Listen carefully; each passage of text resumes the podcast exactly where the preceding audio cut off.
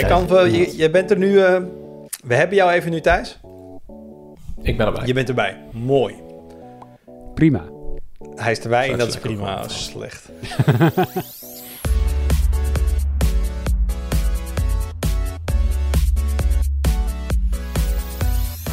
Hoi, leuk dat je luistert. Welkom bij een nieuwe aflevering van de Tweakers Podcast. Mijn naam is Wout en vandaag zit ik in de podcast met Jurian Nubachs. Hallo. Met Arnaud Hokke. Hoi.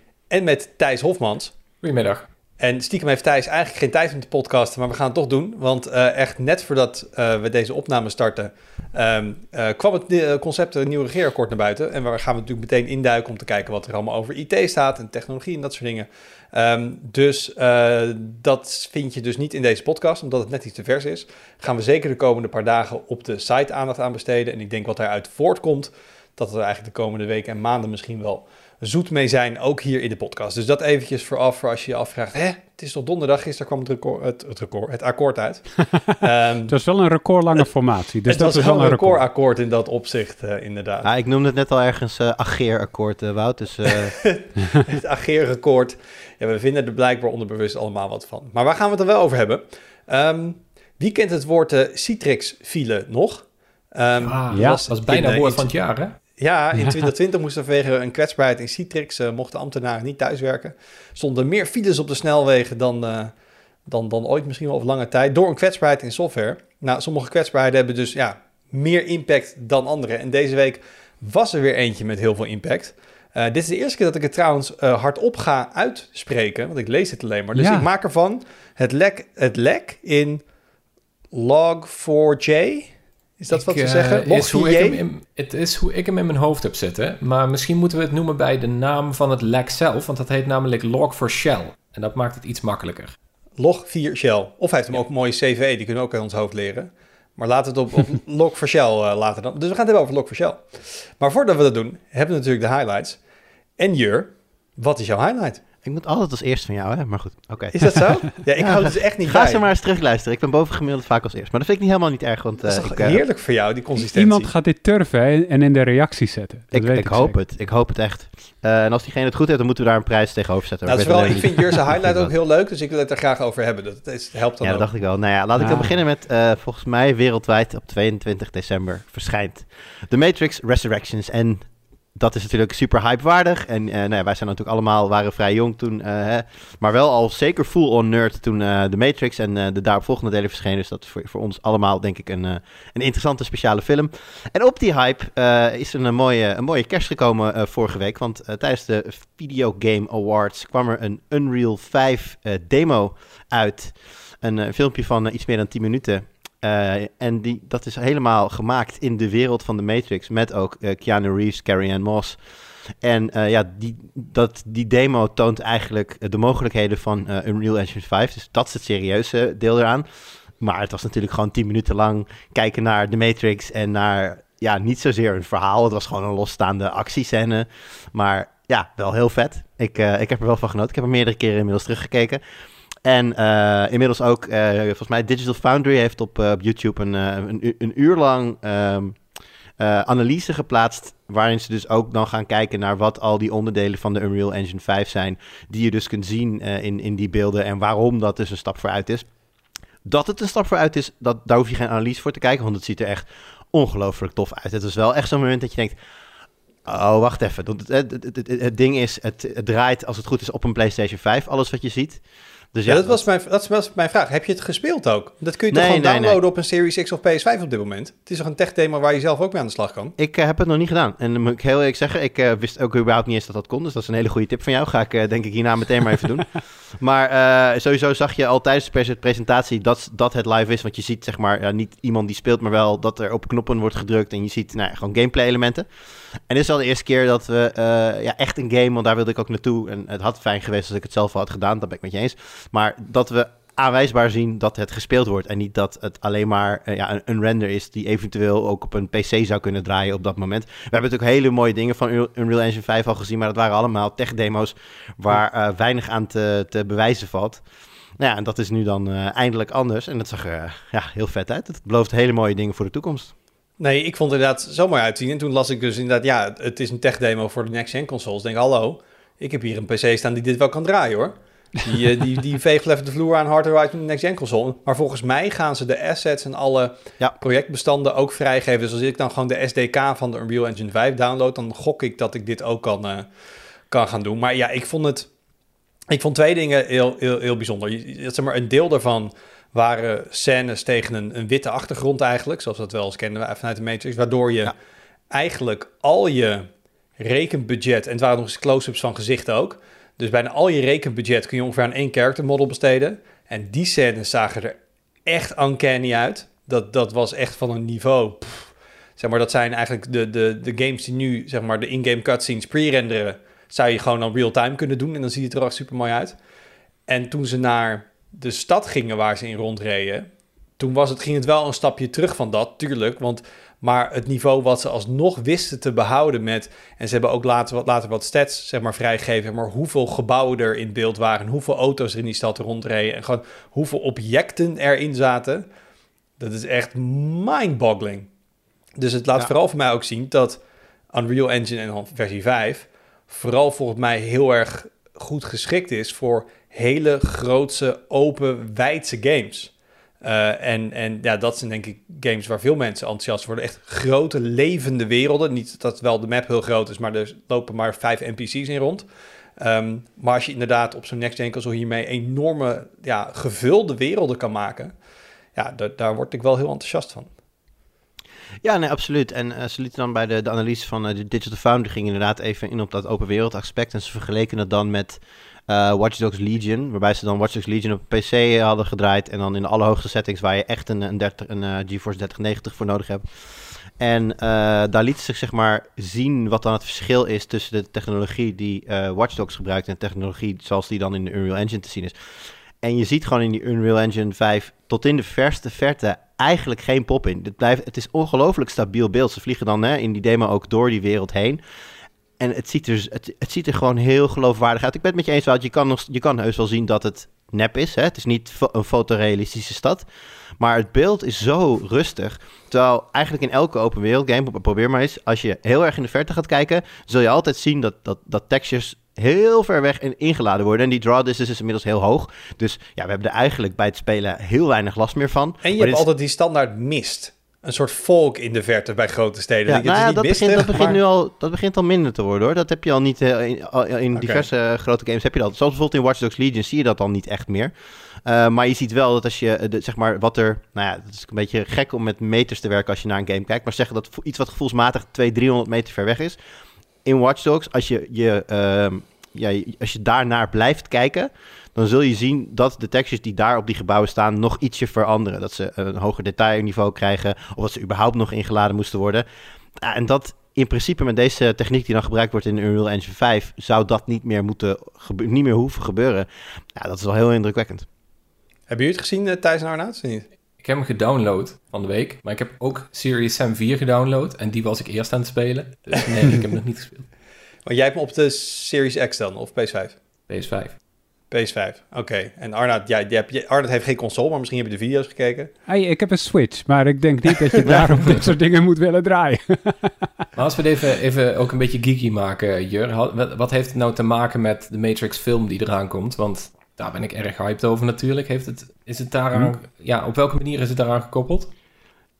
Daarvoor moet je kennis hebben over de Matrix, Matrix Resurrections zelf. En ik ben echt als een bezetene alle trailers en dingen uit de weg gaan gaan. Dus ik heb werkelijk waar geen flauw idee.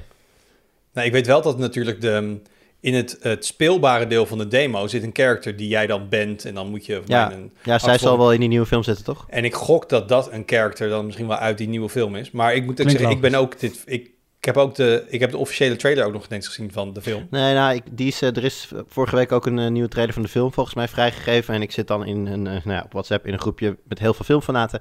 En de mensen die zich niet konden beheersen en die, uh, die zeiden van, nou, die hem dus wel gekeken hadden, die zeiden van, dit is echt zo'n geef het hele spoor, geef het hele verhaal weg in 120 seconden trailer uh, met oh, heel veel nee. van die ja, heel veel highlights en, en, en, en opmerkingen die je eigenlijk gewoon voor het eerst in, de, in een film zou willen zien. Ja, goed, je, je, iedereen die ooit trailers kijkt weet waar ik het over heb. Je hebt gewoon van die trailers yep. die eigenlijk alles weggeven. En uh, nou, dit schijnt er ook zo een te zijn, dus ik uh, doe mijn best om hem niet te kijken. Wel nog eventjes, gewoon om aan te geven hoeveel geld Epic Games heeft en hoeveel middelen tegen... Het is gewoon een tech demo, hè? Dit is gewoon kijk eens wat we doen. Mm. Hier is meer dan een jaar aan gewerkt. En volgens mij het team was 60 tot 100 mensen voor een jaar. Ja. Ik bedoel, daar, zeg maar in even gewoon opa vertel me in zeg maar in de SNES-tijd werd zeg met met zes mensen werd een game in een jaar gebouwd ongeveer bij wijze van en nu gewoon met een team van 100 man een tech demo een jaar gaan maken. Daar, daar, dat, dat vond ik ook wel indrukwekkend. Dat kan dus blijkbaar. En zo belangrijk is dit voor hun. Genoeg Nou ja. mensen hebben pakjes gekocht in Fortnite, dat is Ja, duidelijk. ik wil dat zeggen, die Fortnite money, die, eh, die is er wel. Maar het is natuurlijk ook gewoon, dit is natuurlijk ook gewoon verkoop voor hun. Ik bedoel, dit is, dit is hè, de manier waarop zij eh, bedrijven met wie ze niet al standaard samenwerken... de hopen van te overtuigen de Unreal Engine 5 te gaan gebruiken. Niet alleen gamepartijen trouwens, maar hè, zeker in, in een wereld waarin virtueel... Eh, steeds, in a world, ja. Waarin, eh, waarin virtueel steeds belangrijker wordt, waarin iedereen thuis zit. Eh, de entertainment sector is ook meer en meer bezig met, met, met VR, met, met oplossingen om mensen thuis dingen te laten beleven. Ja, daar Nou, kan dit of de, ook... de, vir- de virtuele sets die natuurlijk bekend zijn geworden via de Mandalorian. Waar Ja, trouwens in Mandalorian seizoen 1 gebruikten ze Unreal Engine. En voor mij in seizoen 2 zijn ze ook op iets anders overgestapt. Dus misschien dat Epic ook denkt... wij moeten ook die, die filmindustrie aan ons blijven binden. Want daar zien we Ja. natuurlijk een enorme groeimarkt buiten die games. Mhm. Dus ehm, nou hier, ik, ik ben alleen jaloers op jou. Dus jij kan het gewoon nog gaan spelen dit joh. Dit weekend, eh, vanavond. Ik weet niet wanneer je tijd hebt, maar... Ja, nee, en jij ja, ook, goed, Thijs? eh, gelukkig is heel rustig. Serious Sam. is ook leuk hoor. De Serious Sam zal vast ook heel leuk zijn. Eh Arnoud, wat is jouw highlight deze week? Yes, ik wilde even stilstaan bij eh, de Oppo Inno Day. Dat is een evenement van twee dagen trouwens. Heel gek. Het heet Inno Day, maar het duurt twee dagen. In de days. En eh, ja, dat zou het moeten heten. En ze hadden een paar, eh, een paar opvallende aankondigingen. Die wilde ik toch even doornemen. Want als je denkt van Oppo, daar, daar is niet zoveel aandacht voor. En dat is ook zo. Op, de, op onze site is dat, is dat niet zo'n populair merk. Maar OnePlus natuurlijk wel. En OnePlus is tegenwoordig Oppo zo goed is als natuurlijk Oppo. inderdaad niet alleen maar ophouden. Dat is wel echt... Ja. Wat valt er allemaal onder? Even eh, heel snel. OnePlus, Vivo en Realme. En als je dat allemaal samenvoegt, dan zijn ze, ja, afhankelijk van welk analistencijfer je gebruikt, maar schurken ze tegen het marktleiderschap aan wereldwijd. Ja. Eh, dus als zij iets doen, dan is dat wel echt een big deal. En dat zie je er ook aan af, hè, met de componenten die ze kunnen inkopen en de prijzen die ze hanteren. Je ziet gewoon, hier zit heel veel schaal, hier zit heel veel geld. Eh, en dat bleek ook weer, want ze hebben een eigen imaging NPU gemaakt, een eh, Neural Processing Unit, een, eh, een soort van, eh, nou ja, Een beeldverwerker. een beeldverwerker met, met AI. De, de Mari Silicon X heet hun eerste chip. Ze wil natuurlijk zelf chips maken, want dat wil iedereen. Google doet het, Xiaomi doet het. Iedereen is ermee bezig. Vivo deed het al. Dat is natuurlijk ook een merk van, van Oppo. Dus het is geen verrassing, maar dit is weer iets uitgebreider dan wat Vivo al deed. Die had een beeldverwerkingschip in zijn X70 Pro Plus, als ik het goed zeg. Met alle aanduidingen die erbij horen. Dit is weer uitgebreider. Ehm, dus het- ze duiken al die op. Ze hadden, ze hadden ook een, eh, een, eh, een, eh, een assisted reality bril. Dus een bril waar je een dingetje op kan klikken en dan zie je notificaties in beeld met een. Wacht, dus we hebben nu... We hadden virtual reality. Ja. Toen ging het veel over augmented reality. Toen zeiden Mhm. nee, laten we dat mixed reality gaan noemen. Mhm. En nu hebben we assisted reality. Ja. Ik wil je best het verschil uitleggen. Ik Daar- wil daar vooral meer een beetje naartoe. over die bril ook. Ehm, virtual reality is natuurlijk dat je afgesloten bent en je kijkt naar een beeld. Eh, augmented reality is je kijkt naar de echte wereld, maar daar staan dingen overheen geprojecteerd die te maken hebben met die echte wereld, dus die de echte en de virtuele wereld combineren. En assisted reality is eigenlijk zoals de Google Glass al werkte jaren geleden, namelijk je hebt gewoon de echte wereld en je hebt meldingen die er overheen komen en die hebben eigenlijk heel weinig met die echte wereld te maken. Het is gewoon, oh hey, je hebt een mail. Ja, de, lijkt de mij- dingen die je ziet worden niet in een soort 3D-space gemapt, maar Nee, er hangt gewoon een notificatievenster in je ooghoek. er hangt er, ja, ja. Maar ook Ik dat kun je weer een soort, soort van layer maken natuurlijk. Hè? Dat hoeft niet per se, dat gewoon een extra laagje eroverheen. Dat hoeft niet per se met de ruimte erbij, zoals AR dat misschien doet, Mhm. denk ik. Dat ze, Ja, dat is het ook. Het is ook gewoon, want het, het, eh, de bril heeft volgens mij geen camera. In elk geval geen eh, idee waar je in de echte, wel waar je bent waarschijnlijk, want dat is gewoon GPS, maar niet wat je ziet. Eh, dus het is gewoon echt meldingen eroverheen. Met navigatie zou het eventueel wel kunnen hoor, over 300 meter rechtsaf. Want locatie is daarvoor genoeg. Ehm, maar inderdaad, het is vooral meldingen en zo.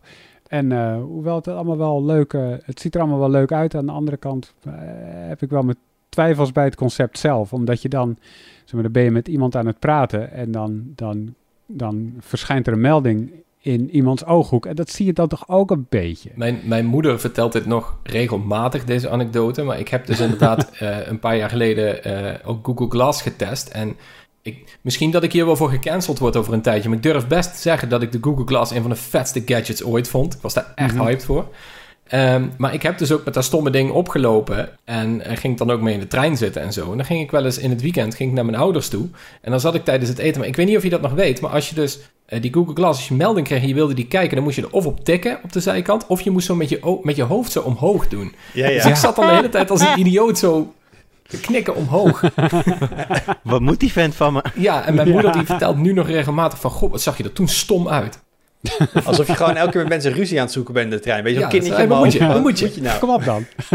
ja. Maar Arnoud, ik moet zeggen, van alles wat ze op, op internet hebben aangekondigd, je bent, dit is wel een traditioneel ding, uh, saving the best for last, of niet? Jazeker, want uh, er is ook nog een vouwbare smartphone. En uh, ze hebben wel die, uh, nou ja, ze hebben, ze, ik denk dat ze het beter hebben gedaan dan Samsung, conceptueel in elk geval. Ze hebben Um, dit moet je even voorstellen, want het is een podcast, alleen audio. Als je de Galaxy Fold voor je neemt, als je die, als je die kent, uh, dat is een beetje een lang ding met een heel lang scherm voorop. Dat is 24 bij 9. Um, dan moet je eigenlijk de bovenste kwart moet je eraf hakken. Dus dat hak je eraf. Dat is wat je overhoudt. En dat is ongeveer de Oppo Find N. Dus het scherm is 18 bij 9 aan de buitenkant. Klap je hem open, dan heb je een bijna vierkant scherm. Het is net niet vierkant. Um, en dat is dus best wel slim gedaan. Uh, het tweede wat ze hebben gedaan is, ze hebben de, de uh, manier van vouwen gepakt van de Motorola Razr. Dus in plaats van dat je het samenvouwt, wordt het een soort van um, bobbel waar, waar je hem vouwt. Zodat hij niet strak samenvouwt, maar een soort van bobbel wordt, waardoor je wel mooi voor, voor de podcast. Mag, je, mag je het zo omschrijven? Ik had hem een keer omschreven als, stel je vouwt een A4'tje dubbel, mm -hmm. dan doe je de hoekjes op elkaar... En dan ga je met je hand eroverheen richting de rug, maar je stopt zeg maar net aan het eind. Dat het niet helemaal plat is, maar dat je daar nog een beetje een, een curve houdt. Precies. Dat is precies wat het is. En, uh, en, en daardoor ook is dat ding dus helemaal plat. Wat de Fold na drie generaties volgens mij nog steeds niet helemaal is. Uh, hij is helemaal plat. Uh, dus ja, en je ziet, de, je ziet de Fold op de foto's in ieder geval. Zie je de nou, Fold veel minder. Veel minder, ja. Ben benieuwd dat vind ik na drie generaties Galaxy Fold nog steeds wel een klein beetje tegenvallen is het als er gewoon het lichter, alleen als het lichter echt perfect op schijnt op de manier hoe het werkt, dan is het een egaal scherm. Maar heel snel zie je daar gewoon al de, ja, de vouw in het midden zitten. Dat is hier volgens mij minder. Ja, dus ik ben hier best wel hyped over, want het is aan de ene kant is het redelijk compact als je het gesloten hebt. Hè, dus het past makkelijker in je broekzak dan zo'n dan zo'n best wel grote Galaxy Fold, die echt wel lang is. Um, en aan de andere kant heb je toch dat grote scherm. Dus dit is precies de belofte van een vouwbare telefoon, namelijk een groot scherm maar dan in een, in een compacte behuizing. Want en dat komt alleen uit in China, dus dat is jammer. En dan komt, ja, nee, ik denk niet dat dat zo is. Want ze hebben het persbericht overal verspreid. Ze hebben review samples niet naar ons gestuurd, maar wel naar uh, uh, Amerikaanse media. Oké, maar officieel hebben ze alleen maar iets gezegd over een release in China, toch? Klopt, ja. ja. Maar ik heb dus wel het idee dat dit op de een of andere manier naar andere delen van de wereld gaat komen. Misschien is het dan een OnePlus telefoon. Ik bedoel, dat kunnen ze gewoon uitwisselen ja, natuurlijk. dat is waar. Uh, of, of een ander merk. We zien het allemaal wel. Maar dat dit in some way or form eraan komt, zeker gezien de... Door, want ik ben er nu best wel positief over. Ik, hoor die verhalen meer van mensen die hem echt in handen hebben gehad. Die, die hebben dat ook wel. Ik bedoel, er zijn overal asterisken bij. De, camera's zijn niet top en bla, bla. Er zijn nog een paar dingen. Um, maar over het algemeen, conceptueel wordt dit best goed ontvangen.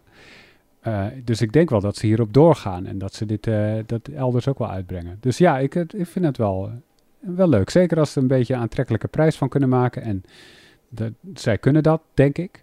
Uh, dan, uh, dan, uh, dan kan dit echt wat worden. Ben heel benieuwd. Ik hoorde ze wel zeggen dat uh, alleen het scharnier zelf al kost al 100 dollar om te maken. Tuurlijk. Dus ehm, dat, nou, benieuwd wat uiteindelijk dan de retail hier zou gaan doen. Thijs, zoals we zeiden, regeerakkoord. Gaan we ja. niet over hebben? definitief niet, want er, stond, er stonden wel wat dingen in die je nu al wel oh, je snel hebt, je hebt al wat dingen, als je al wat dingen gespot ik hebt. Heb, ik heb er een paar. Um, sowieso belangrijk, er komt um, een landelijke regie voor uh, grote datacentra. En ik denk dat we het er allemaal wel over eens kunnen zijn dat, mijn god, na de debakel in Zeewolde met Facebook, uh, mag, dat wel, uh, mag dat ook wel. Hmm. Dus uh, dat, dat wordt een beetje landelijker geregeld. Um, maar wat, ik, wat me vooral opviel wat mooi is, is dat er een aparte toezichthouder komt voor algoritmes. Oeh. En uh, dat, is, uh, dat is niet helemaal onverwacht, want um, zowel de VVD als D66 volgens mij, die hadden dat in hun verkiezingsprogramma staan en nog wel meer partijen. Dus uh, die, die, wilden dat heel graag. Die wilden dus een, een eigen toezichthouder die specifiek op algoritmes toezicht gaat houden. En op dit moment is dat de facto de autoriteit persoonsgegevens die dat moet doen. Want bij algoritmes worden bijna per definitie wel uh, persoonsgegevens gebruikt. En de AP heeft ook altijd gezegd van op het moment dat er ergens persoonsgegevens worden gebruikt, dan zijn wij de toezichthouder en dan moet er niet een nieuwe komen. Dat heeft voorzitter Aleid Wolfs ook altijd heel duidelijk gezegd van die, die moet er helemaal niet komen, die, die nieuwe toezichthouder. Maar die komt er nu wel. Um, wat die precies gaat doen, ja, zover was ik dus ook nog niet. Maar hij krijgt in ieder geval een budget van 3,6 miljoen euro per jaar. En eventjes vergeleken, um, de AP kreeg dit jaar 26 miljoen. Dus daar zit nogal een verschil in. Um, de autoriteit persoonsgegevens die krijgt er ook 8 miljoen euro structureel aan budget bij. Dat is best wel wat. Is minder dan zij om hadden gevraagd, want zij wilden volgens mij bijna een verdubbeling. Maar ze krijgen nu dus 8 miljoen op een budget van, uit mijn hoofd, ja, dus 26 miljoen. Um, maar daarmee zitten ze nog steeds wel aan de hoge kant als je het vergelijkt met alle andere Europese toezichthouders. Dan is de AP nog steeds wel een van de, van de beter betaalde, zullen we maar zeggen. Um, en dat, dat zijn eigenlijk de twee dingen die mij vooral heel erg opvielen. Dus algoritme toezichthouder, dat, uh, dat, daar gaan we nog zeker veel van horen, denk ik. Maar waarom is die nodig? Omdat er heel veel algoritmes worden gebruikt. En die gaan ook heel vaak mis. Zoals we hebben gezien bij de toeslagenaffaire en, en, en eerder ook bij Siri en dat soort dingen. En, um, um, maar als, sorry, ja. is het dan bedoeld om toezicht te houden op algoritmes binnen de overheid? Ik, Want je kan toch niet zeggen, je gaat niet... in heel Nederland voor elk bedrijf dat ergens in software nee. een algoritme gebruikt, wat eigenlijk overal is, toezicht houden? Nee, en sowieso is natuurlijk het woord algoritme, dat kan van alles betekenen. Iedere, eigenlijk is iedere functie in een computer per definitie een algoritme. Dus ja, het, het wordt een beetje lastig wat daar de definitie van gaat zijn. Ja, dat klopt. Ik denk dat het voornamelijk gaat over, um, uh, inderdaad, over overheidsalgoritmes, denk ik. Misschien dat zou in ieder geval, dat zou, ik denk dat wij dat fijn zouden vinden als ze zich daarop zouden focussen. Um, ja, dat lijkt me wel, ja. Het lijkt me niet dat je dat... Uh, want en eerlijk, voor, voor als, als een bedrijf algoritmes gebruikt... en ze doen daar iets mee dat uh, niet helemaal goed is met je persoonsgegevens... dan hebben we daar de AVG al voor die dat regelt natuurlijk. Dus waarschijnlijk gaat de autoriteit persoonsgegevens daar ook wel heel erg mee samenwerken op de een of andere manier. Dat, dat moet bijna wel. Net zoals ze nu ook al samenwerken trouwens met de ACM en de AFM en al dat soort andere autoriteiten. Die er allemaal trouwens geld bij krijgen. Dus, uh, maar goed, de, nogmaals, half uurtje geleden binnengekregen, dus ik ga er zo nog naar lezen. um, als het goed is, als je deze podcast luistert, dan kun je misschien wel, misschien niet, kun je al een artikel daarover lezen. Maar in ieder geval in de loop van donderdag uh, gaan we daarmee verder. Dus, uh, dus, maar dat waren de twee opvallende dingen die mij daarop ja, die, die opvielen. Um, maar verder eventjes een vraag aan jullie. Hè? Want hebben jullie iets gedaan, dat is een heel andere kant op, met jullie digitale erfenis? Heb je daar ooit wel eens bij nagedacht? Nee. Wij zijn... Uh, wat bedoel je dan? Heel specifiek gewoon mijn logins en dat soort dingen waar het ja, heen gaat? Ja, bijvoorbeeld. Uh, ja, wel eens over nagedacht. Als in, uh, want ik, ik, ik zie altijd, altijd, het is net zoveel superveel mensen doodgaan omheen. Maar als er een keer ergens iemand overlijdt, dan zie je wel eens een aangepast profiel ergens. En dan denk ik, ik heb er wel eens bij nagedacht van, hoe zorg je eigenlijk dat dat gebeurt? Maar verder dan dat, want ik heb het aandachtspannen van een eekhoorn. Dus dan uh, ben ik alweer met iets anders bezig. Maar ik heb af en toe die gedachte wel zo gehad van, hey. Nou, heb ik in dat geval even mooi nieuws voor je, joh. Want iOS heeft een nieuwe functie. Uh, waarmee ze dat precies kunnen regelen. Uh, dat, dat vond ik best wel interessant in de nieuwe beta van, uh, van iOS 15.2. is een functie dat jij aan één iemand, een soort, of een, aan vijf personen trouwens, kun jij, um, die kun je daaraan koppelen. En op het moment dat jij dan overlijdt en zij tonen dan jouw overlijdenscertificaat aan Apple, dan kunnen zij toegang krijgen tot jouw iCloud en tot Keychain en, en dus al je wachtwoorden en dat soort dingen. Dus dat is op zich wel handig. Maar ik vind het dus een heel interessant onderwerp, omdat ik het idee heb dat dit gewoon zo belangrijk is en nog steeds totaal niet wordt opgepakt ergens. Nee. Ik, ik Maar ging, eh, omge- omgedraaid dan, Thijs. Wat, wat is jouw eh, strategie hiervoor? Ja, mijn strategie is op dit moment dus dat ik gewoon ergens in huis een envelop heb zitten met daarop wat je moet doen als er iets gebeurt. En ik heb een encrypted USB-stick voor mijn vriendin gemaakt. En daar staan dus alle dingen op, maar bijvoorbeeld ook alle smart home accounts die we hebben of zo. Dat zijn, dat zijn best wel fundamentele dingen die geregeld moeten worden. Maar als ik overlijd en je moet bij mijn, bij, bij mijn U-account, om mijn U-lampen te beheren, ja, zie er maar eens aan te komen. En er Mag, zijn... mag ik wel even hier meteen opmerken, dit is dus waarom je niet je smartphone via de cloud een account moet laten lopen en lekker allemaal local control. We blijven straks nog even een uurtje hangen na deze podcast. Dan gaan we- nee, Nee, ja, jij dat moet klopt in de regeergoor duiken. Het is, oh ja, shit. Ehm, nee, het is inderdaad wel zo, ja. Maar dat, er zijn, als je erover gaat nadenken hoeveel dingen dat er zijn waar jij wel of geen toegang toe kan hebben. Of, of bijvoorbeeld neem je bank, bankrekeninggegevens of zo. Als ik overlijd, ja, dan, dan volgens mij zijn er allemaal processen dat je via een notaris of zo uiteindelijk wel bij mijn bank komt. Maar als jij in die tussentijd even bij mijn rekening moet om even dit of dat te betalen of weet ik veel wat. Of, ik, ik, ik weet allemaal niet hoe dat zit, maar er zijn zoveel dingen die digitaal geregeld moeten worden als jij overlijdt. En ik heb het niet het idee dat iemand daar vaak bij stilstaat. En ik heb wel dat- het idee... Sorry, maak je zin af. Nee, ja, ik, ik vind het mooi dat iOS dat nu wel gaat doen. En er zijn wat andere diensten die het ook doen. Bij Facebook kun je ook iemand toegang geven tot jouw profiel als je overlijdt en zo.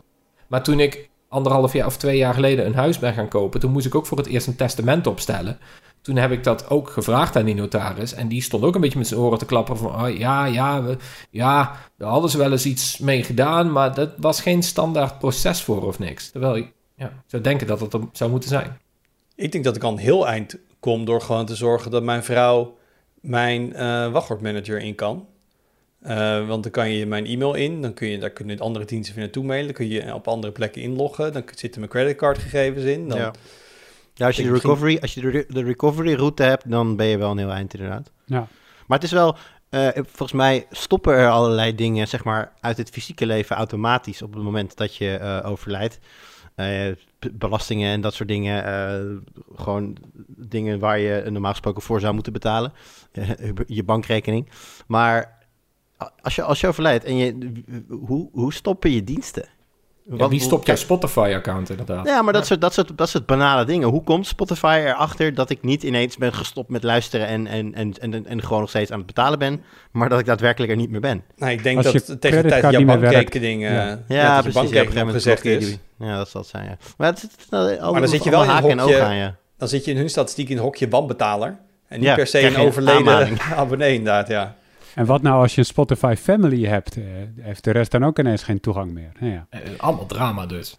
ja Maar dat is wel het drama als iemand overlijdt, Thijs. Je Spotify Family abonnee. Gaat iemand dood, zegt iemand anders in de familie, ah nee, dan gaat Spotify Family. Maar ik, ik vind het dan dus wel mooi dat. Maar ik vind het dan dus inderdaad wel mooi dat Apple dit oppakt. Van de andere kant, het, het klinkt wel weer als zo'n dingetje waar Big Tech een, een, een, een keus in ziet. En het eventjes voor jou gaat regelen en zo. Terwijl je zou dit toch vooral via je no- notaris moeten regelen of zo. Ja, en wederom, dit is weer platformafhankelijk. Dit is leuk als je iOS gebruikt. Maar, en al die diensten, ja, dit is niet een oplossing hiervoor. Dit is Sowieso, voor hoe je het ook mee? Als je na het iOS zit, maar je denkt, kom, ik ga mijn hele hebben en houden naar Android doen, voor welke reden dan ook. Ja, dan moet, er is nu dan, denk ik, niet een makkelijke manier om dat testament wat je dan bij Apple hebt, eh, mee te verhuizen. Waarschijnlijk niet, nee. Nog Nee. niet in ieder geval. Daar ga ik me even vanuit. Ja. Maar eh, eerste stappen zijn goed. En het is goed dat je het zegt, Thijs. Ik had er inderdaad, ik, ik ga er eens wat... Nou, misschien is gewoon stap 1 zorgen dat mijn vrouw weet wat mijn eh, one-password wachtwoord is. Ik weet niet hoe ze dat dan weer gaat onthouden. Dan zit ik altijd te denken, moet ik het dan inderdaad in een envelopje ergens stoppen? Maar dan heb ik mijn wachtwoord opgeschreven. Nou ja, Ja, moet je dat Ik ga er eens dan aan je notaris geven of zo? Weet ik veel. Ja. Ja. ja. Moeilijk. Ehm, nog even heel kort, want we zitten lekker hang- lang in de highlights. Maar ik zag twee nieuwtjes voorbij komen in de, de duurzaamheidhoek, waar we natuurlijk ook vorige podcast over hadden met de reparatie. Ja. Ehm, en toen hadden we het ook bijvoorbeeld met Jelle over hoe makkelijk zijn laptops te repareren. En patsboom, toen kwam Dell deze week met een video, een hele uitleg over een conceptlaptop, eh die tot 50% minder eh, carbon footprint zou moeten hebben. Eh, waar ze bijvoorbeeld zoveel mogelijk niet met schroeven werken. waarbij ze heel veel herbruikbare onderdelen gebruiken. Waarbij ze ook zeggen, ja, we willen echt onderdelen eerst heel vaak hergebruiken... voordat ze ooit een keer gerecycled worden. Dus niet per se op recycling inzetten, maar op hergebruik. Waar ze door bepaalde dingen in, in de opbouw veel meer met van die van eigenlijk klikdingen werken. Als je een ding in elkaar moet zetten, dat je het gewoon kan klikken. Een soort Lego-achtig in plaats van dat je het allemaal moet lijmen en dat soort dingen. Dus ehm, ja, dat, dat vond ik gewoon heel leuk om te zien. En ook wel heel actueel, omdat we het daarover gehad hebben. Dat er toch weer een bedrijf die ermee aan de slag gaat. En dat gold ook eigenlijk enigszins voor iFixit. Uh, die samen met Microsoft ehm, ja, tools, eigenlijk een soort van in opdracht van Microsoft maakt voor reparatie van service hardware. aan de ene kant kan je zeggen dat je dedicated tools nodig hebt om een product te kunnen openmaken. Dat is misschien in de basis al niet heel handig. Dat zou ik ook helemaal met mhm. je eens zijn. Uh, maar we zijn er nog niet. Um, maar het feit dat Microsoft dat nu wel beschikbaar stelt, dit is voor mij in stap 1 is dat wel alleen voor reparateurs, nog niet voor thuisgebruikers. Maar ik, misschien is het ook omdat we er iets vaker in de podcast over hebben. Maar ik, heb, ik had het ook zeg maar toen ik um, een Citroën C1 kocht en over straat ging kijken, had opeens iedereen zo'n ding. Dat was niet zo, want ze waren er al, maar toen viel het pas op. En we zijn de laatste tijd wat, wat meer ook hier en ook op de redactie over duurzaamheid aan het praten. En dan valt me opeens op, oh, maar die fabrikant die doet nu een initiatief en die fabrikant doet een initiatief. Uh, dus misschien is het, zit er een kleine uh, confirmation bias in. Maar ik zag weer deze twee dingen voorbij komen afgelopen week. En dat is ja, toch, weer, uh, toch weer interessant om te zien. Ja, ik denk ook dat die conceptlaptop, dat vond ik ook zo gaaf dat ze erop inzetten. Niet alleen om het makkelijk te maken om het te vervangen, maar ook om dat zonder schroeven te doen. En dat is wat ik bedoel, een Dell laptop, daar, heb ik Jelle wel eens over gehoord, dat is niet de moeilijkste laptop om uit elkaar te halen, maar je moet nog altijd met een schroevendraaier. En op het moment dat dat helemaal um, afklikbaar is, dan maak je het gewoon zo makkelijk om eventjes iets te vervangen. Ik denk wel dat het gewoon veel meer uitnodigt om zelf dingen te upgraden of dingen te vervangen als ze stuk zijn en dat soort zaken. Dus ik hoop echt dat zoiets er komt. Jammer dat het nog alleen een concept is. Um, maar over een paar jaar is dat wellicht gewoon de nieuwe XPS-laptop. Is dat gewoon de standaard? Of ik dat wel wil, Arnaud? Wat dan? Mijn, mijn, ervaring met klikdingen is dat als je het maar vaak genoeg uit elkaar klikt, dat het op een gegeven moment steeds minder lekker klikt. En als een laptop niet meer helemaal lekker klikt, dan gaat het op een gegeven moment, denk ik, mis. Het is ook hoe, vaak gaat, hoe vaak gaat hij uit elkaar? Ja, het is ja, speelgoed, hè? Ja, maar gewoon, misschien, is dat, misschien heb ik het helemaal uit het verkeerde eind, dan kan je daar prima een robuust apparaat van maken. Maar ik heb zoiets, als er een paar schroefjes in zitten, dan heb ik gewoon meer vertrouwen in, in hoe stevig dat apparaat in elkaar zit. Die paar schroefjes zijn denk ik niet het, het, de, doorslaggevende factor bij of het wel of niet duurzaam is. Ik moet zeggen, toen uh, vroeger, toen je nog accu's kon verwisselen in telefoons, en toen ik Samsung telefoons had en ik altijd zo'n leuk zo'n accu-klepje los kon halen, dat was gewoon mijn fidget spinner hoor. Ik zat gewoon vaak te pielen en zat ik gewoon die, die accu-klep los te trekken. En dat heeft het best wel lang volgehouden. Dus ik moet zeggen, ik denk als je... Ze kunnen best wel stevige plastics en, en composites maken... die heel lang, heel vaak kunnen klikken in, in en uit elkaar. Uh, in ieder geval Samsung kon dat destijds met, uh, met hun achterklepjes. Oké, okay. log voor Shell of voor J. Thijs, um, afgelopen weekend, volgens mij, kwam dit. Jij was, uh, denk je was even buiten de deur, toch? Ik was een weekendje weg en het koos, het koos echt het slechtste moment daarvoor uit. Dat is een beetje de goden verzoeken, inderdaad. Als uh, privacy en security redacteur lekker ja. er van tussen gaan als een groot lek uh, naar voren komt. Om eventjes, we gaan er zo op in. Hoe groot is dit? Geef even op een schaal van 1 tot 10. Um, ehm, waar bevindt zich dit qua impact? op, op dit moment wat de impact op dit moment is, is nog een, een 4 of een 5. Maar dit heeft de potentie om echt volgende week al op een 11 uit te komen. Het is wel echt heel groot. Dan ehm, voor wie onder een steen heeft gelegen of wie een weekendje weg was.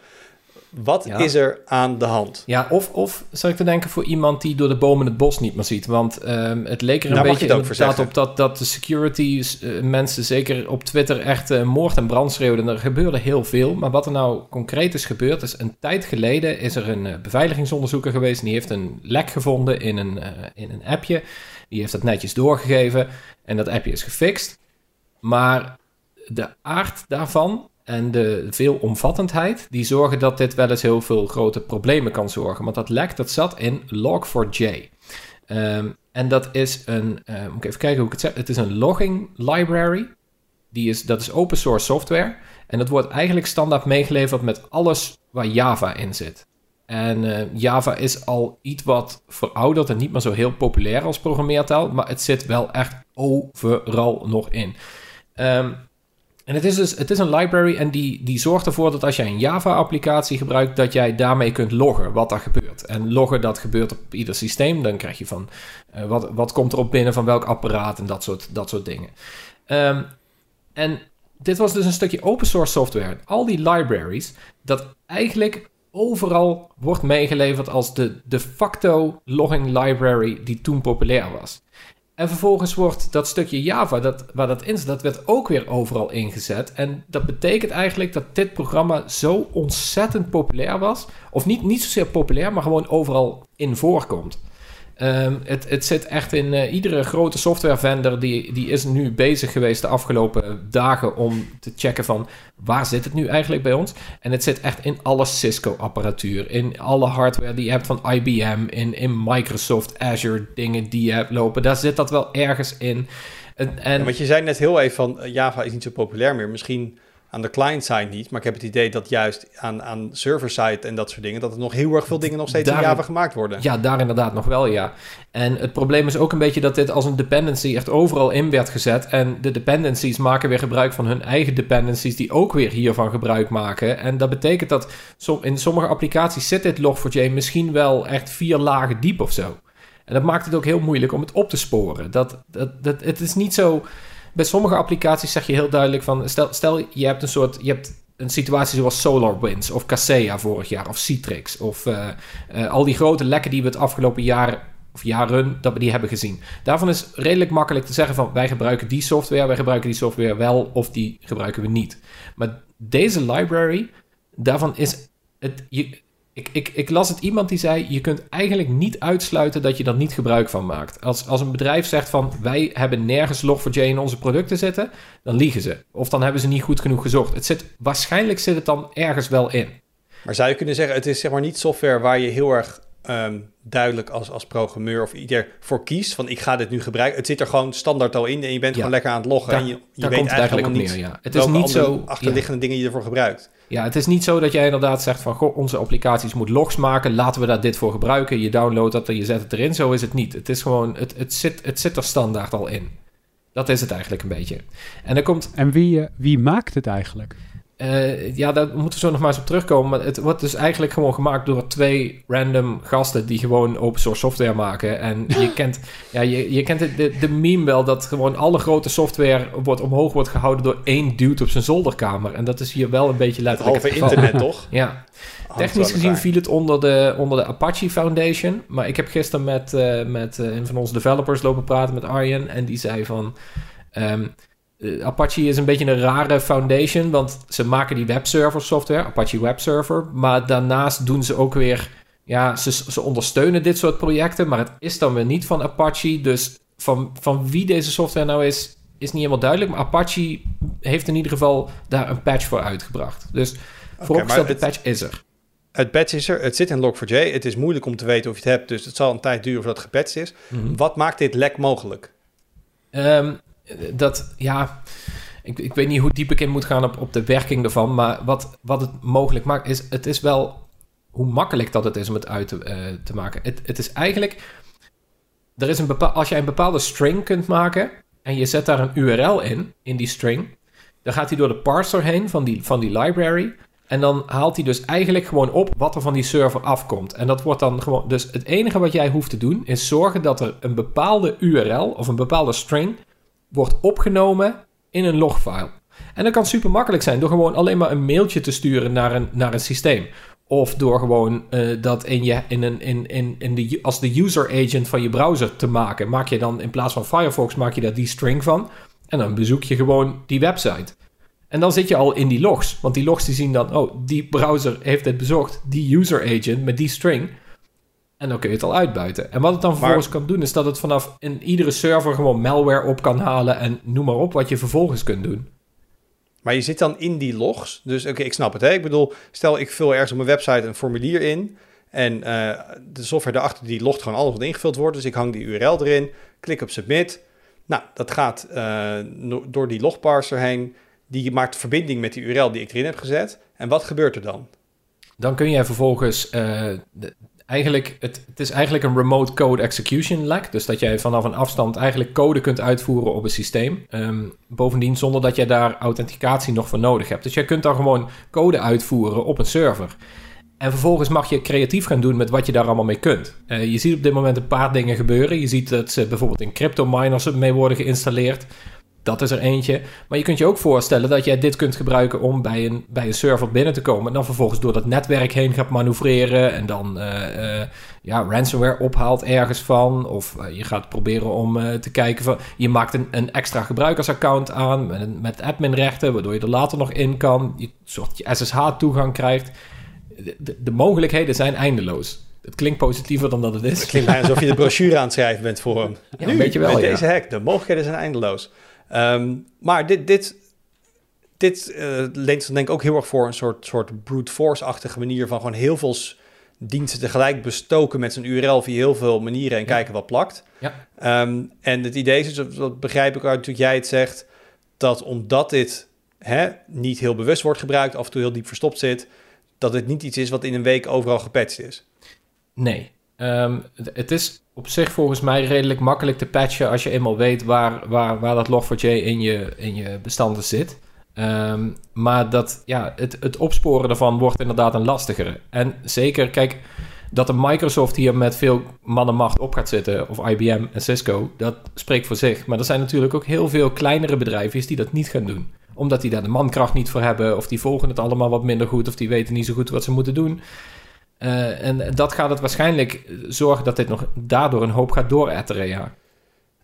Hoeveel zicht hebben wij op dit moment over op, op die impact? Hebben we een idee? Um, hij zegt, hè, er worden dingen met crypto miners misschien wel gedaan, of dat soort dingen. Weten we dat? Of zou het ook heel goed kunnen dat heel veel van dit soort systemen al op binnengedrongen is, maar dat de mensen die het doen gewoon nog eventjes lekker aan het wachten zijn tot het overgewaaid is? Hoe ja, er zijn, er zijn eigenlijk twee signalen die je hebt. Aan de ene kant zijn er, um, de, de, uh, zijn er security bedrijven die kijken, uh, die hebben heel veel honeypots draaien. Dus dan draai je gewoon software op een Raspberry Pi, kijk je wat er op binnenkomt. En dan, nou ja, dat kan leuke inzichten inleveren. En die zeggen eigenlijk allemaal van op die honeypots komen duizenden verzoeken per minuut binnen om te kijken van of dit allemaal, of, of, ja, of die al gepatcht zijn. Heb je het echt, en dat was gisteren, hè? Dus dat, en, en eergisteren. Dus ik weet niet hoe het, misschien is het vandaag nog wel meer. Uh, wij op Tweakers, zei onze systeembeheerder uh, gisteren ook. Wij krijgen hier ook allemaal bezoeken van binnen. Mensen die gewoon proberen om ja, requests te sturen naar ons met die string erin. Kijken wat er gebeurt, kijken of Tweakers wel veilig is. Um, dus, dus je ziet dat die honeypots en, en, en dat soort dingen, dat wordt allemaal wel getroffen. Maar er zijn ook wat security bedrijven die zeggen van... wij hebben ook al gezien dat klanten daadwerkelijk zijn geïnfecteerd niet, je ziet aan de ene kant al die scans gebeuren, maar je ziet ook wel dat er, dat er echte infecties plaats hebben gevonden. Um, bijvoorbeeld heel gerichte. En uh, uh, je, ziet, je ziet ook al dat verschillende malware-makers, zoals de makers van het Mirai botnet, uh, die hebben al, al ondersteuning hiervoor toegevoegd. Dus die zeggen van, hier draai je maar. En dan, weet je, als je iets vindt wat kwetsbaar is, dan wordt het opgenomen in Mirai. Dus je ziet daar wel inderdaad al, al, al praktische cases van ding is wel een beetje, wat je zou verwachten dat er op dit moment gebeurt, is dat er als een gek ransomware wordt verspreid. Alleen mhm. dat hebben we nu nog niet gezien. Het is al, al, al, al een, bijna een week aan de gang nou. Maar er zijn eigenlijk nog helemaal geen grote catastrofale aanvallen geweest. Alleen tot nu toe wat suffe botnets waarin die dus wordt opgenomen. En uh, uh, er worden wat crypto miners geïnstalleerd. Maar ja, dat is allemaal klein bier. Daar, daar heb je niet eens zo heel veel last van, zou je kunnen redeneren. Dus dan is het een beetje de vraag van, ja, wat, wat gaat, gaat dat nog gebeuren? Nou ja, ik kan me wel voorstellen bijvoorbeeld ook dat de, de, de noem het maar even, de cyber warfare teams bij de Russische overheid, de Chinese overheid, dat, dat nu vooral ook die op die manier aan het kijken zijn. hey, moeten we even die andere overheden afscannen? En als je daar binnen bent, ga je denk ik ook niet binnen een week wat doen. Dan ga je denk ik jezelf juist helemaal in het systeem nestelen en je heel erg rustig houden. Um, en ervoor zorgen dat je juist op lange termijn data eruit kan, kan tappen. Ja, precies, ja. Kijk, botnets en crypto miners, en die, die, die gaan ook grotendeels geautomatiseerd. Dat, dat stuur je lekker het internet op en uh, je kijkt wel wat er gebeurt. En dat, die worden automatisch geïnstalleerd erop. En die dingen worden automatisch toegevoegd aan botnets. Maar bij, bij ransomware is het tegenwoordig heel anders. Je gaat niet een bedrijf je gaat niet een, een, ransomware opgooien op duizenden adressen en kijken wat er versleuteld wordt en dan kijken hoeveel geld je daaruit kunt krijgen. Je gaat infiltreren, je gaat kijken hoeveel, hoeveel geld hebben die bedrijven, voor hoeveel kan ik ze hacken. Um, hoe zorg ik dat ik door dat systeem heen ga? Misschien kan ik wel proberen om de backups ook te versleutelen als dat een beetje mee zit. Um, dat, is, dat is veel meer handwerk geworden en daarom zie je dat op dit moment waarschijnlijk nog niet terug. Maar de, de aard van dit lek en dus hoe wijdverspreid het is, is de kans vrij groot dat over pakweg twee, drie maanden of zo, dat er dan nog steeds mensen zijn die Log4j gaan gebruiken om te kijken van is dit netwerk wel veilig? Zijn, zijn die hier wel tegen gepatcht en zo? En dat gaat het echte gevaar worden. En vanaf dat moment ga je binnendringen en is het ineens heel makkelijk geworden om bedrijven te vinden die potentiële ransomware slachtoffers worden. Zijn er mogelijke gevolgen voor, voor mij, voor jou? Ik bedoel, uh, zijn er, uh, ik noem maar wat, zijn er internetproviders wiens modem Java-code draait of zo? Kunnen ze bij me thuis binnenkomen? Uh, de, de, ik, ik hoorde van een maat van mij dat hij zijn smartwatch al had uitgezet uit voorzorg, omdat hij wist dat hij Java op draaide. Maar um, ja, dat zou in theorie kunnen, ja, volgens mij. Ik, ik, ik weet dat niet precies, ik vind het een beetje moeilijk inschatten. Het zou in theorie natuurlijk kunnen dat op jouw computer dat dat niet gepatcht wordt of zo. En dat die geransomware wordt op de een of andere manier, maar ja, dat, dat lijkt me heel sterk.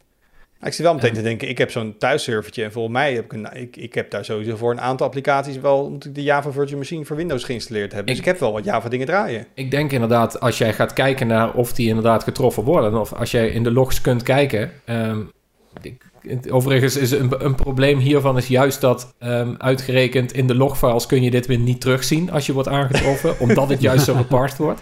Dus dat is een beetje suf. Maar ik, de grote kans dat die ook wel geprobed worden inderdaad. Of gescand van, van misschien is dat wel kwetsbaar. Ik zou, als ik jou was, heel snel gaan updaten, ja. Dat is sowieso wat je altijd moet doen. Kijk, het, het, het suffen met dit soort dingen is altijd van voer die patches nou door en voer je updates door. Uh, dat is advies dat al sinds de jaren 70 volgens mij wordt gegeven. Nou ja, het is ook nu wel weer actueel helaas. Dus uh, ja. Ma maak jij je zorgen, Arnaud? Ja, het, uh, het klinkt toch een beetje als de Omicron onder de malware. Zo van, wow, ja, het is er al, het gaat zich snel verspreiden en we weten de impact nog niet precies.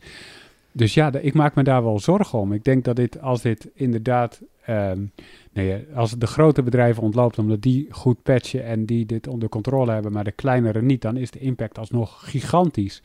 En dan weet je eigenlijk niet precies waar het, zich, waar het, zal, uh, waar het zal toeslaan, zeg maar. Dus welke, welke soort bedrijven worden getroffen en wat de gevolgen precies zijn. Maar ik denk dan al snel aan de kleinere dingen als uh, webshops of online diensten die je gebruikt die niet in handen zijn van techgiganten, dat soort dingen. Uh, dus ja, die impact kan er nog groot zijn. Ja, ik vind, ik vind dit soort dingen wel zorgwekkend, ja. Ik, uh, ik, denk, ja. Ik denk ook als je op de iets grotere schaal gaat kijken, dan um, niet specifiek door dit lek, maar gewoon de Nederlandse kwetsbaarheid in het algemeen. Er hoeft maar dit te gebeuren of supermarkten worden niet bevoorraad. En ja, ja. we hebben vorig jaar gezien wat er dan gebeurt als iedereen ineens een paniek wc-papier gaat kopen. en dat, dat soort scenario's worden hier wel meer uh, realistischer. Die komen wel meer in zicht door dit soort problemen. Ik kan me ook wel voorstellen dat het nu echt, nu wordt een spotlight op, uh, op, op Log4j wordt er uh, gedaan. Dus we weten nu opeens ook wie hierachter zitten. Die gasten zijn denk ik nog nooit van hun leven geïnterviewd hierover. Um, wordt hier nu ook naar gekeken um, om in de toekomst dingen anders te gaan doen? Als in, komen er meer mensen, hebben zich mensen al meer mensen aangemeld? Goh, we gaan dat samen onderhouden. Of is er al een bedrijf die gezegd heeft, weet je wat, dit moeten we gewoon betaald werk gaan maken? Ik heb, uh, ik heb er wel wat discussie over gezien, maar niet zoveel. En het zijn meestal dezelfde discussies die je al, al 20 jaar hoort. Van in hoeverre moet een bedrijf bijdragen aan open source software? En in hoeverre moet dat in stichtingen worden ondergebracht? Hoeveel moet je die mensen betalen en, en onder welke voorwaarden? Maar dat, en dat, dat zal nog in de komende dagen of weken nog zeker wel in de stroomversnelling komen, die discussie. Op dit moment is het vooral nog brandjes blussen. En daarna dan zal dat echt wel weer worden bekeken. Ik denk, die discussie is nu niet fundamenteel anders dan dat die al, al tien jaar wordt gevoerd. En denk jij dat dit misschien ook dan toch wel een aanzetje kan zijn om het ook eens te gaan hebben over meer, wat is de volgende Log4j? Wat is het volgende open source programmaatje of programma wat al in tijden niet bijgewerkt is van één gast, waar het halve internet op leunt? Ik bedoel, ik heb wel het idee dat dit zal niet de laatste zijn. Nee, zeker niet. En het is, ook, het is overigens ook een heel goed uh, signaal dat, weet je, er zijn heel veel open source um, voor, voorvechters. En die zeggen van, ja, maar als het open source is, dan gaan mensen naar de broncode kijken. En dan, uh, dan is het vanzelf veiliger. Nou, deze code die bestaat al sinds god weet hoe lang. En uh, dit lek had, had ook wel eerder ontdekt kunnen worden. Dat had al sinds, sinds 2014 of zo, 2016 had dat, zit dat er al in. Het is dat het nu toevallig aan het licht komt. Maar dat betekent dus niet dat omdat het open source is, dat het dan beter bekeken wordt. Ik, ik denk wel dat er inderdaad op, op termijn dat er wel anders naar gekeken gaat worden, ja. Nou, laten we het hopen, want ik kan me voorstellen, nu kwam dit naar buiten. Maar wie weet hoeveel van dit soort toeltjes en dingetjes lek zijn waarbij we het niet weten dat het naar buiten komt. Ja, dat is, dat is inderdaad wel zo. Ja, als, je, als je kijkt hoeveel, hoeveel patches dat er ook iedere week weer worden doorgevoerd in Windows, waarvan we weten van, oh, dat, dat, daarvan is, zijn de lekken ook al soort van bekend al een tijdje. En dat zijn er elke, elke maand zijn dat er weer vijf.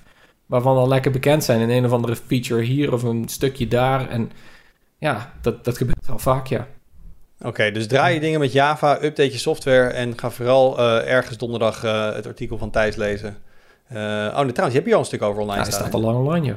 Nee, het was het regeerakkoord waar jij op ging storten. Sorry, ja. dat hou ik nu even door elkaar. Dus, uh, Lekker voor de En als je zeg maar inderdaad even... Ja, precies. Goed dat je weekendje je batterij hebt kunnen opladen. Het is, is overigens wel zo dat... Um, dit, dit is niet specifiek hiervoor, maar je ziet dat wel bij veel ransomware aanvallen. Uh, die hebben een paar jaar geleden echt heel duidelijk gezegd van... wij gaan lekker toeslaan op kerstavond. Dat zag je bijvoorbeeld bij vorig jaar bij de Universiteit van Maastricht. Die werden op 24 december om 7 uur of zo werden ze getroffen. Uh, super suf. Maar dat is omdat criminelen weten van dan is er lekker iedereen aan het werk. Iedereen piept er een week tussenuit. Dan is het moment om toe te slaan. Dus het zou goed kunnen dat er veel ransomware is die nu al genesteld is in systemen. Het wordt een interessante dat het, kerst. Dat, het, dat de Log4j-dingen nu een beetje aan het broeden zijn en dat dat ja, uh, het zou zomaar eens kunnen. gaat komen. Ik, ik, wil niet te veel doem, uh, doem preken, maar... Want als ja. het nu uitkomt, dan ben je wel meteen verdacht, dat snap je wel. Sowieso. dat is wel zo, ja.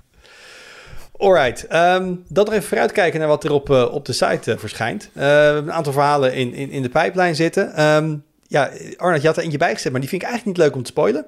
Um, maar wel, er komt een nieuw, we hebben een nieuw soort interview op de site. Dus ik ga mm -hmm. er wel een beetje teasen. waarbij we met iemand gaan praten over die persoonse, persoonlijke tech, als ik het zo mag omschrijven. Toch?